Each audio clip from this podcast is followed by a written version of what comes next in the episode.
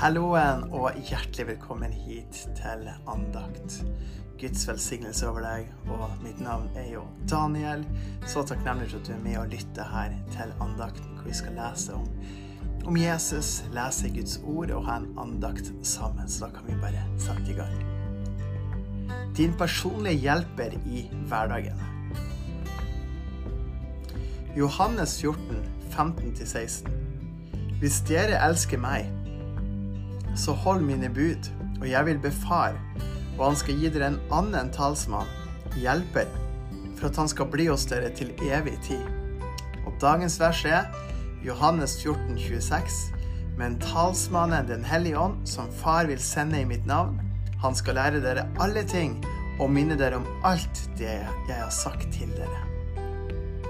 Dagens bibelkapitler er 3. Mosebok kapittel 10 og 11 og Lukas kapittel 10.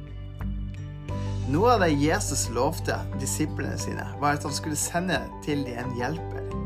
Jesus snakker om en annen talsmann, advokat og hjelper, som skulle være med de troende. Jesus snakker om Den hellige ånd og refererer til ham som sannhetens ånd. Johannes 14, 17. Sannhetens ånd, som verden ikke kan få siden verken ser han eller kjenner han, men dere kjenner ham, for han blir hos dere og skal være i dere. Dette verset her sier så mye. Hvem er liksom denne personen som verden ikke kan få? Han som verden verken ser eller kjenner. Nettopp dette er Guds hellige ånd. Jesus forteller oss at vi kjenner ham. Det gjør vi siden vi som er troende, tilhører Jesus. Vi har da fått denne ånden som en gave. Gud, Den hellige ånd, har da valgt å bo i oss troende. Han har valgt å lede oss på veien i livet. Være vår egen hjelper. Skriften sier at vi kjenner ham. Hvordan kan vi da bli enda bedre kjent med denne personen? Den hellige ånd er ikke en hvem som helst. Han er sensitiv som en due og sterk som vinden. Det han blir hos oss, betyr at han hele tiden er nær. Han forlater oss ikke, men han passer på oss kontinuerlig. Det at han kalles for talsmannen, er òg for en grunn. Han snakker. Han prater. Han er Guds ånd som er nær deg. Han er din venn i nød. Din hjelper når du trenger hjelp. Din advokat når du trenger at noen forsvarer deg. Og din talsmann når du trenger noen å snakke med. Den hellige ånd peker på Jesus. Han synliggjør Jesus mer og mer. Som troende trenger vi å leve livet med Den hellige ånd. Han er i deg og gitt deg til evig tid, så hvorfor ikke begynne å bli kjent med Ånden akkurat nå? Spørsmål du kan stille deg. Hva tenker du om Den hellige ånd? Hva kan du gjøre for å bli enda bedre kjent med Den hellige ånd? Ord fra Herren taler til deg som at Den hellige ånd taler til deg direkte.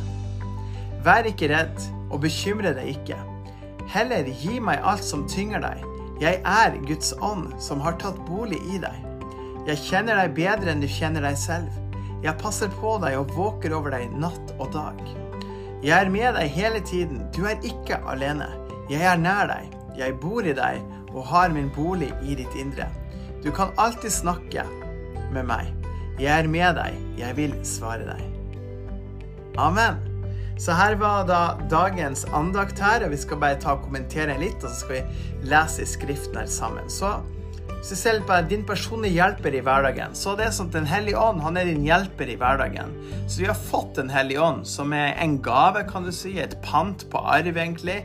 Hvor vi, når vi er blitt frelst og tatt imot Jesus som, og virkelig sagt ja til Jesus, eh, fått tilgivelse for syndene våre, sluppet han til hjertet, valgt å følge han, omvendt oss, så har vi mottatt Den hellige ånd. Og da er vi et tempel for Den hellige ånd som bor i oss.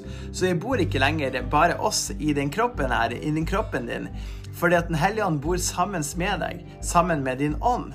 Og Jesus sier så fint her i Johannes 14, 15-16 at hvis dere elsker meg, så hold mine bud. Så det å elske Jesus handler om det å holde hans bud og gjøre det han sier. Det er en nøkkel for å elske Jesus. Og så vil han be far, og han skal gi dere en annen talsmann, en hjelper, for at han skal bli hos dere til evig tid. Ok? Så han skal altså be far om å gi oss en annen talsmann, en hjelper, for at han skal bli hos dere til evig tid. Så det her bare ser vi hvordan Den hellige ånd eh, er indikert som eh, talsmann, hjelper og advokat, kan du si. Det er liksom det samme ordet for de tre tingene og flere ting. Og dagens vers, der sto det jo at Johannes 14, 26 at talsmannen Den hellige ånd, som far vil sende i mitt navn, i Jesus' navn, han skal lære deg alle ting og minne deg om alt de har sagt dere. Så Den hellige ånd er din lærer. Den hellige ånd er din veileder. Den hellige ånd er din guide. Han er den som leder deg på veien. Han er den som tar deg gjennom til det du skal gjøre, til oppdrag du skal gjøre, ting du skal få lov til å se. Han leder deg på veien, så du slipper å, å være redd og gjøre ting på egen måte, eller at du hele tida må ha kontroll på ditt liv. Du kan slippe eh, Den hellige ånd til, og så kan du bare la være å ha så mye kontroll. Og Den hellige ånd er med deg. Han, han, han passer på deg. Og så er han sannhetens ånd. Og Det står jo her i Johannes 14, 17 at han er sannhetens ånd, som vil si at det han sier, er sant. Det er ikke noe løgn hos Den hellige ånd. Det er ikke sånn én dag er han på, neste dag er han ikke det. Nei da, han er kontinuerlig. Han er hele tida. Men så er det sånn at verden de kan ikke se Den hellige ånd, eller ikke få Den hellige ånd, fordi at eh, de kjenner han ikke. Så folk som ikke tror på Jesus, de vet ikke hvem Den hellige ånd er. De kjenner han ikke, de ser han ikke. Men dere kjenner han. For han blir hos dere og skal være i dere. Så han er hos deg og i deg. Så han er med deg der du er når du er en troende, og så er han også inni deg. Det er sterkt. Så Gud han er inni deg. Så når du ber til Gud, så ber du ikke til en som er langt unna. Du ber til en som er så nær deg at han er inni deg, han har tatt bolig i deg. Det er noe å tenke på, at Gud har valgt å være så nær deg. Og det er det med Den hellige ånd, han er med deg hele tida. Så derfor så er vi egentlig aldri alene som troende. Du er aldri alene. Det er ikke sånn at 'Å nei, nå er jeg alene. Hjelp. Hvor er Det er ingen rundt meg.' Nei, Den hellige ånd er med deg. Den hellige ånd tar vare på deg. Den hellige ånd ser deg, og han beskytter deg. Og han er den som virkelig ønsker å, å lyse opp hverdagen din dag for dag. Gir deg styrke dag for dag. Gir deg nåde dag for dag. Gir deg seier dag for dag. Den hellige ånd er der, men han trenger òg å bli inkludert i hverdagen. Mange av oss lever som om at Den hellige ånd ikke er til stede, sjøl om han er det. Man ignorerer han. Du kan sammenligne det med at eh, Den hellige ånd er som en gjest som kommer til, til, deg på besøk, og så sitter han i stua, og så tar han ikke og gjør noe spesielt før du inviterer han til det. Han bare er der. Sånn er med Den hellige ånd også, så du trenger å invitere han inn liksom, og bare ønske Den hellige ånd velkommen til det du skal gjøre, og bare invitere han inn i hverdagen din, og, og bare vite at det er en person sammen med deg som er Den hellige ånd, som er gæren etter deg, positivt sett, hvor han elsker deg og har lyst til å ha fellesskap med deg, og han har lyst til å lede deg til sannheten. Og han kjenner deg, og du skal få lov til å bli kjent med han. Så det er en av nøklene med Den hellige ånd. Han er bare så mektig, og han er god, han er majestetisk, og han har valgt å bo i oss troende. Så da kan du egentlig legge hånda di på hjertet, så skal jeg be for deg.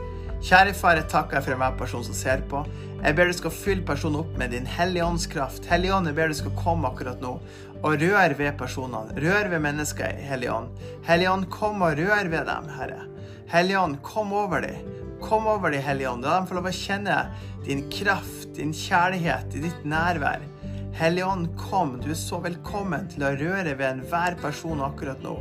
Helligånd, du er velkommen til å bare fylle oss opp med din kraft og kjærlighet. Så bare si bare si etter meg 'Kom, Helligånd'. Bare si det. 'Kom, Helligånd'. Du er velkommen, Helligånd. Fyll meg opp, Helligånd. Jeg vil ha fellesskap med deg, Helligånd. Kan du bare si det? Kan du bare si det til deg? Han er nær deg. Så kan du bare forvente at han skal komme og være med deg, for han har satt bolig i deg. Så bare ta imot, ta imot og søk etter Guds rike. Lær om Den hellige ånd, les om Den hellige ånd. Få tak i bøker om Den hellige ånd, les i Bibelen om Den hellige ånd. Du vil få så mye igjen for deg å bli kjent med Den hellige ånd og bli bedre kjent med ham. Amen. Så fint. Yes, da skal vi fortsette å lese i Skriften her.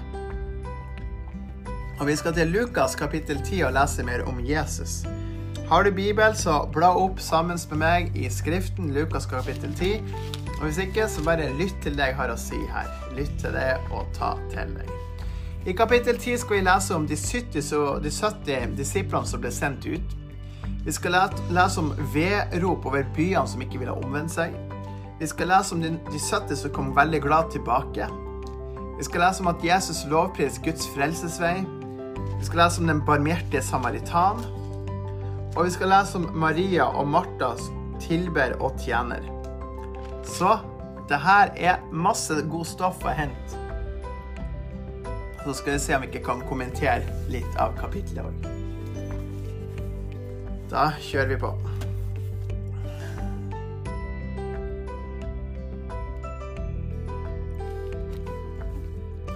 Lukas kapittel 10. De 70 blir sendt ut. Etter dette utpekte Herren også 70 andre, og han sendte dem foran seg, to og to til hver by og hvert sted hvor han selv skulle komme. Så sa han til dem, høsten er i sannhet stor, men arbeiderne er få. Be derfor høstens herre at han vil drive arbeidere ut til sin høst.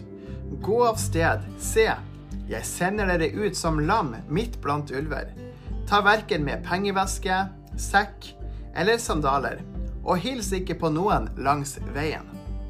I hvert hus dere kommer inn, skal dere først si fred være med dette hus.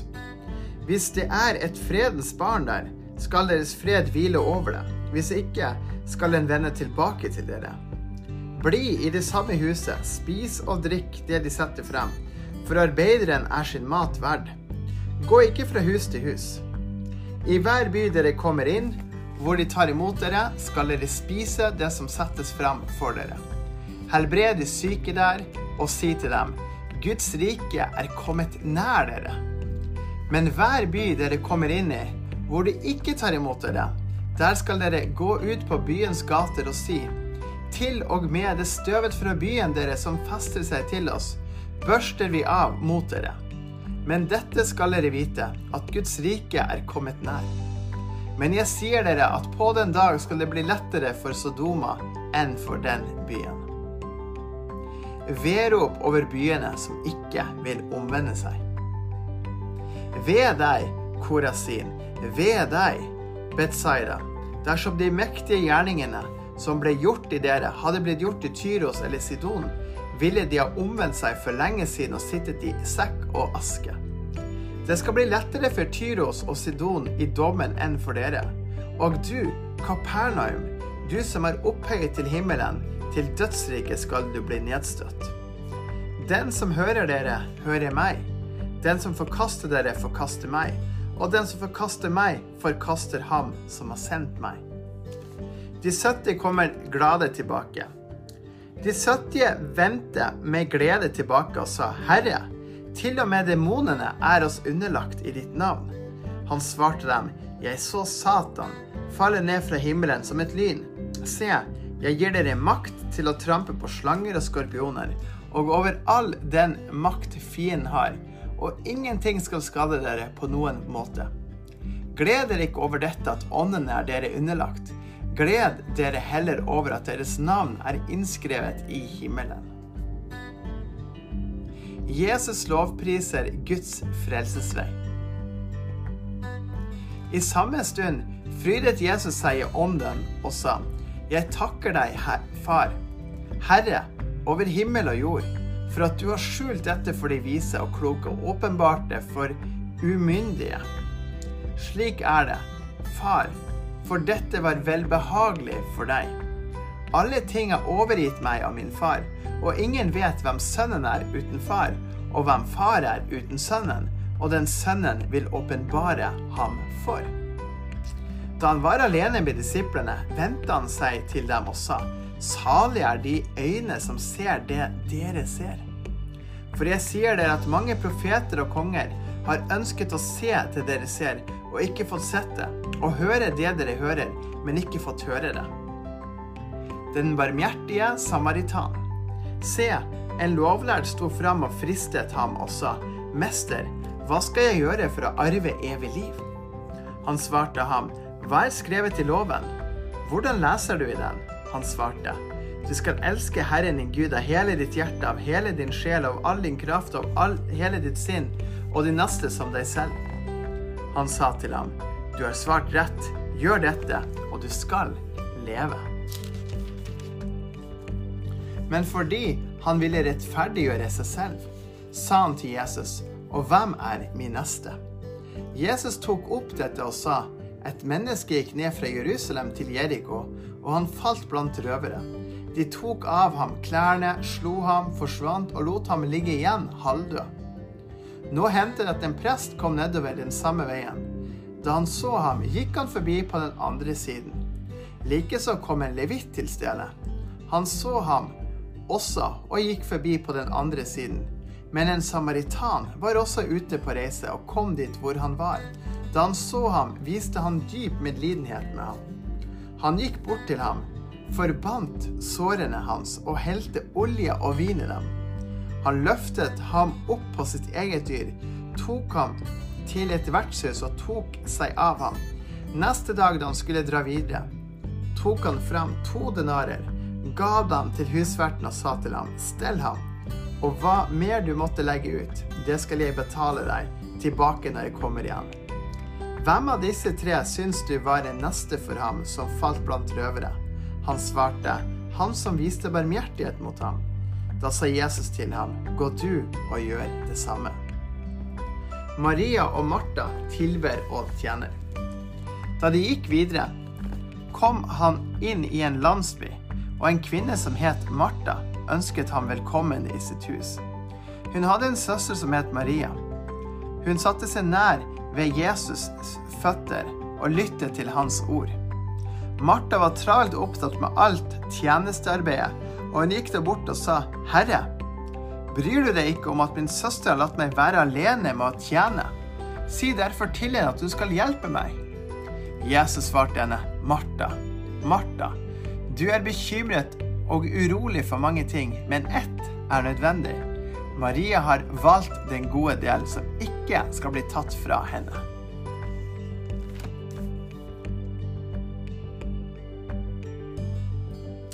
Ja, da leser vi jo her i Lukas kapittel 10, og det er jo utrolig fascinerende å lese her. Hvis vi ser på det med Maria og Martha, så var det sånn at Martha hun var opptatt med alt som skulle gjøres. Hun var sånn her OK, nå må jeg stelle stand. Jesus er her. Jeg må ta vare på alt. Jeg må fikse hus, jeg må fikse leilighet, jeg må fikse ting.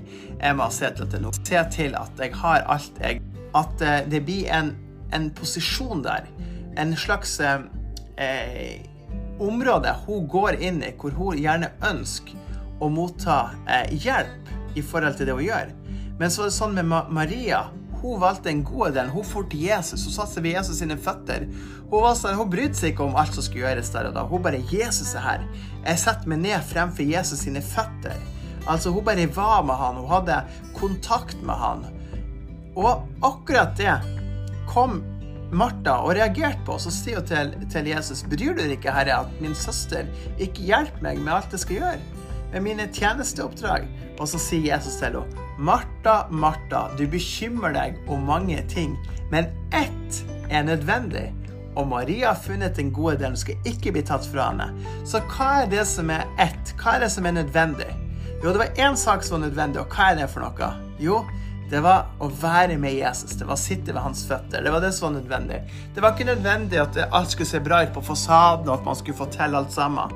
Og akkurat sånn er det mange mennesker lever i dag. Man prøver å, å ha hjem, hus, ikke sant, dyr osv., og, så videre, og alt skal se bra ut, alt skal se fint ut. Og så, og så er det sånn at man prøver liksom prestere, men så glemmer man det viktigste som er, og det er å sitte ved Jesus sine føtter. Så en ting man kan tenke seg til når Jesus sier det her, er at det er men at det er nødvendig. Han sier men ett er nødvendig, så det er nødvendig å sitte ved hans føtter. Så har du lyst til å virkelig vokse med Gud i intimitet og kjennskap til han, ta litt tid og sett ved Jesus sine føtter. Det vil styrke deg, det vil være med å passe på deg, det vil bevare deg, og det vil også gi deg masse eh, igjen. Han, Jesus vil ha med å fylle opp, han vil åpenbare seg for deg mer og mer og mer. Så det er en ting vi kan lære av akkurat det. Så kan vi tenke på det at, eh, at Jesus han sier det i verset 21 eh, her. Så sier, så sier, Jesus her at i samme stund frydet Jesus seg i ånden og sa, Jeg takker deg, Far, Herre over himmel og jord, for at du har skjult dette for de vise og kloke og åpenbart det for de umyndige. Umyndige, det vil si egentlig små barn, eller folk som egentlig ikke er så på en måte av liksom, Som ikke er så veldig vis og klok, da, kan du si, hvis du tar det omvendte av det. Eh, men du kan si det sånn at det er liksom sånn at OK, for å bli frelst er det sånn OK, korset det er en dårskap, det er en dumskap for dem som ikke tror ofte. Det er sånn Hæ? Døde Jesus på et kors? Hva var poenget med det? Skulle Gud komme og døpe et kors for oss? Hvorfor gjorde han det? Og så ser man ned på det, liksom. Men tanken her er det at uh, man trenger korset, man trenger Jesus for å bli frelst. Men mange liksom tenker jeg er så smart, jeg er vis, jeg er, jeg er så smart. jeg er jeg kan alt, liksom. Jeg har studert alt som har med vitenskap å gjøre, og lære og sånt. Og jeg Man kan liksom si at ja, jeg har peiling på alt, jeg vet til og med hva som skjer etter døden. Jeg trenger ikke det her, det her er ikke noe logisk, og jeg er for smart for evangeliet. Mange kan tenke sånn. Folk med høye utdanninger kan av og til tenke sånn, faktisk. Dessverre. Men, eh, men, men, så, men, så, sier Jesus han er glad for det. Han sier at det her det er så enkelt at det er, for, det er sånn for små barn. Det er for de umyndige å ta imot det her. For han har skjult det for de vise og kloke. Det vil si at du trenger ikke å være supervis og superklok for å forstå evangeliet. Du kan faktisk bare ha et hjerte som er åpen for å ta imot. Og da vil du få både forståelse, identitet, nåde, kjennskap til Gud. Så, så Jesus han sa det akkurat sånn som det var. Og, og, og, han sier til dem at uh, Og så sier han salig er de øyne som ser det dere ser. Altså takknemlig, glad begeistring er de øyne som ser. Altså som får lov til å se Jesus. Så det er noe. Og så ser vi også her at han sendte ut de 70. Så han sendte ut de 70 og ga dem makt til å helbrede syke og kaste ut under ånder. Og de kom tilbake med glede med glede de sa til Jesus, til og med demonene hører på oss, er underlagt i ditt navn. Og så svarte Jesus dem og sa at jeg gir dere makt til å trampe på slanger og skorpioner, og, og den makt fienden har, og ingenting skal skade dere. Han gir makt over alt det fienden har. Og så sier han også Gled dere ikke over dette, at ånden er dere utlagt. Du skal aldri være glede over at du kan, hvis du, kan, hvis du kaster ut demoner helbreder syke i Jesu navn. Så er ikke det du skal glede deg over, men du skal glede deg heller over at ditt navn er innskrevet i himmelen i livets bok. Yes. Så det er noe å ta til seg, og, og bare som er ut fra det kapitlet her i Lukas 10. Så amen til det. Da skal vi gå videre.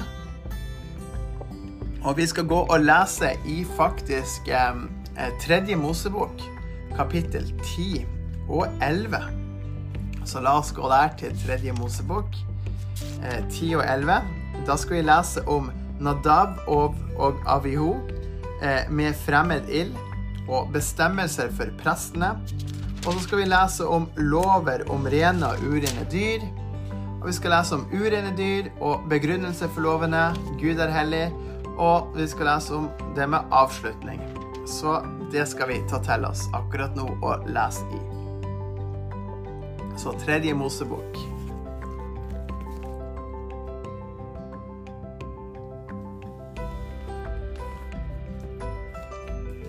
Tredje Mosebok, kapittel 10. Nadav og Avio med fremmed ild. Nadav og Avio, Arons sønner, tok hver sin ildpanne og la ild i dem. De la røkelse på ilden og kom fram med fremmed ild for Herrens ansikt. Dette han ikke befalt dem å gjøre. Da for det ut ild fra Herrens ansikt og fortærte dem, og de døde for Herrens ansikt. Moses sa til Aron, dette er det Herren har talt, da han sa, alle de som kommer frem for meg, skal holde meg hellig, og for ansiktet på hele folket skal jeg helliggjøres. Da tidde Aron. Da kalte Moses på Mishael og Elsafan, sønner av Arons farbror Usiel, og sa til dem, Kom hit og bær deres brødre bort fra forsiden av det hellige stedet og ut av leiren. Så kom de bort og bar dem ut av leiren, i kjortlene deres, slik Moses hadde sagt. Moses sa til Aron og til hans sønner Elazar og Itamar Dere skal ikke blotte hodet deres eller flere klærne deres, så dere ikke skal dø. Og for at han ikke skal bli vred på hele folket. Men deres brødre, hele Israels hus, skal klage over den brennende ilden Herren har tent. Ut fra døren til åpenbaringsteltet skal dere ikke gå, for at dere ikke skal dø. For Herrens salvingsolje er på dere, og det gjorde etter Moses ord. Bestemmelser for prestene. Så talte Herren til Moses og sa:" vin eller sterk drikk skal du ikke drikke. Verken du eller dine sønner, når dere går inn i åpenbaringsteltet, for at dere ikke skal dø. Det skal være en evig lov for hele etterslekten, for at dere skal skjelle mellom det hellige og det vanhellige, og mellom det urene og det rene, og for at dere skal lære Israels barn alle lovene Herren har talt til dem ved Moses' hånd. Moses talte til Aran og Elazar og Itamar, de som var igjen av hans sønner. Ta det grødeofferet som er til overs av Herrens matoffer, og spis det uten surdeig ved siden av alteret. For det er høyhellig. Dere skal spise det på et hellig sted, for det er din del og dine sønners del, som dere skal ha av Herrens matoffer, for slik har jeg blitt befalt. Brystet av løfteofferet og låret av gaven skal dere spise på et rent sted, du, dine sønner og dine døtre sammen med deg. For det er din del og dine sønners del som er gitt dere av Israels barns fredsoffer. Låret av gaven og brystet av løfteofferet skal de føre fram sammen med alt fettet til matofferet, for å løfte det som et løfteoffer for Herrens ansikt. Det skal tilhøre deg og dine sønner ved en evig lov, slik Herren har befalt. Så forhørte Moses seg nøye om bukken til syndofferet, og se, den var opprent. Da ble han vred på Elasar og Itamar, de som var igjen av Arons sønner, og sa, Hvorfor har dere ikke spist syndofferet? På det hellige stedet, når det er høyhellig. Og Gud har gitt dere det for å bære bort menighetens skyld, for å gjøre soning for dem for Herrens ansikt. Se, blodet av det ble ikke båret innenfor helligdommen. Derfor skulle dere ha spist det på det hellige stedet, slik jeg har befalt. Aron sa til Moses, se, i dag har de kommet fram med syndofferet og brennofferet sitt for Herrens ansikt, og så har alt dette rammet meg. Hvis jeg hadde spist syndofferet i dag, ville det vært godt i Herrens øyne. Da Moses hørte det, var det godt i hans øyne.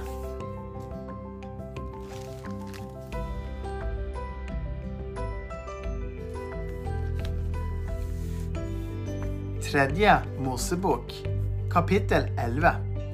Lover om rene og urene dyr. Herren talte til Moses og Aron og sa til dem, tal til Israels barn og si, dette er de dyrene dere kan spise av alle de firbeinte dyrene på jorden. Av de firbeinte dyrene kan dere spise av alle som har hover, kløvde klover og gulper maten opp igjen. Men disse skal dere ikke spise blant dem som gulper maten opp igjen, eller som har hover. Kamelen, for den gulper maten opp igjen, men har ikke hover, den er uren for dere. Fjellgrevlingen gulper maten opp igjen, men har ikke hover. Den er uren for dere. Haren gulper maten opp igjen, men den har ikke hover. Den er uren for dere. Svinet har hover og har klovene kløvd, men det gulper ikke maten opp igjen. Det er urent for dere. Kjøttet av disse dyrene skal dere ikke spise, og åtselet av dem skal dere ikke røre. De er urene for dere. Dette kan dere spise av alt som er i vannet. Det som er i vannet og har finner og skjell, enten i havet eller i elvene, det kan dere spise. Men alt som er i havet eller i elvene og ikke har finner eller skjell, alt det som myldrer i vannet, eller enhver levende skapning som finnes i vannet, skal være avskyelig for dere. De skal være avskyelige for dere. Dere skal ikke spise kjøttet av dem. Åtselene skal dere avsky. Alt som er i vannet og ikke har finner eller skjell, skal være avskyelig for dere. Disse fuglene skal dere avsky, og de skal ikke spises fordi de er avskyelige. Ørnen, lammegribben, svartgribben, den røde glenten og alle slags falker, alle slags ravner, strutsen, uglen, måken og alle slags hauker, kattuglen, fiskeuglen og tårnuglen, snøuglen, pelikanen og åtselgribben, storken, alle slags hegrer, hærfuglen og flaggermusen. Alle flygende insekter som går på fire, skal være avskyelig for dere. Men disse kan dere spise blant alle de flygende insektene som kryper på alle fire. De som har ledddelte bein ovenfor føttene, som de bruker til å hoppe på marken med. Disse kan dere spise. Alle slags gresshopper, alle slags langhodesete gresshoppere, alle slags sirisser og alle slags vanlige gresshopper. Men alle flygende insekter som har fire bein, skal være avskyelig for dere. Urene dyr. Ved disse blir dere urene, og enhver som rører åtselet av noen av dem, skal være uren til kvelden. Den som bærer noe fra åtselet av noen av dem, skal vaske klærne sine og være uren til kvelden. Åtselet av dyr som har hover, men ikke har kløvde klover, eller ikke gulper maten opp igjen, er urent for dere. Enhver som rører slike dyr, skal være uren. Ethvert dyr som går på poter, Blant alle dyrene som går på alle fire, de er urene for, for dere. Enhver som rører ved åtselet av dem, skal være uren til kvelden. Den som bærer åtselet av et slikt, skal vaske klærne sine og være uren til kvelden. Det er urent for dere. Disse skal også være urene for dere. Blant krypene som kryper på jorden, muldvarpen, musen og alle slags store firfisler, gekkoen, den flekkete firfislen, firfislen, sandfirfislen og kameleonen. Disse er urene for dere blant alle krypene. Enhver som rører dem når de er døde, skal være uren til kvelden.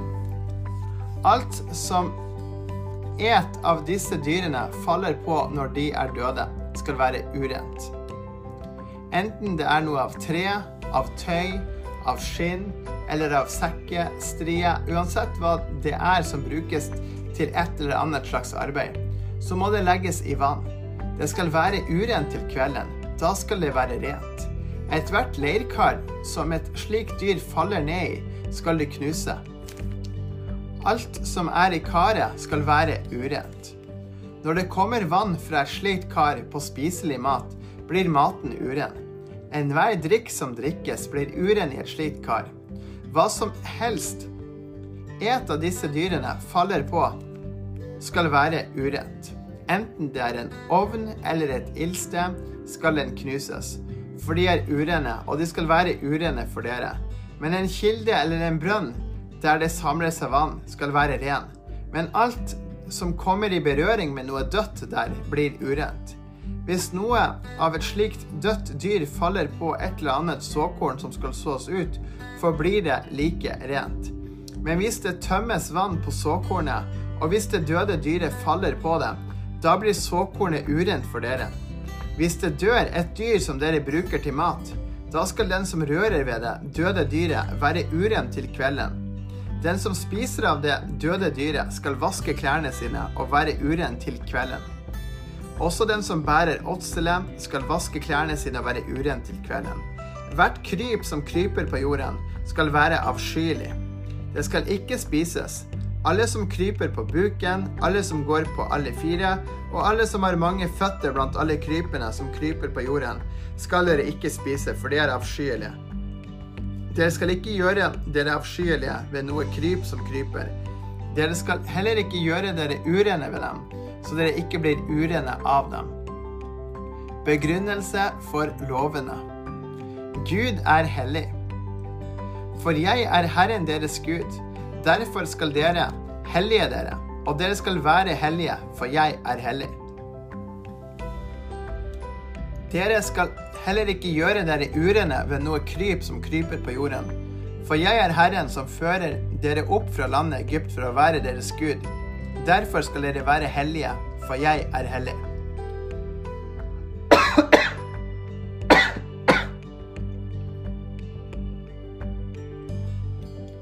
Avslutning. Dette er loven om dyrene og fuglene og hver skapning som rører seg i vannet, og hver skapning som kryper på jorden, for at dere skal skjelne mellom det urene og det rene, og mellom dyr som kan spises og dyr som ikke kan spises.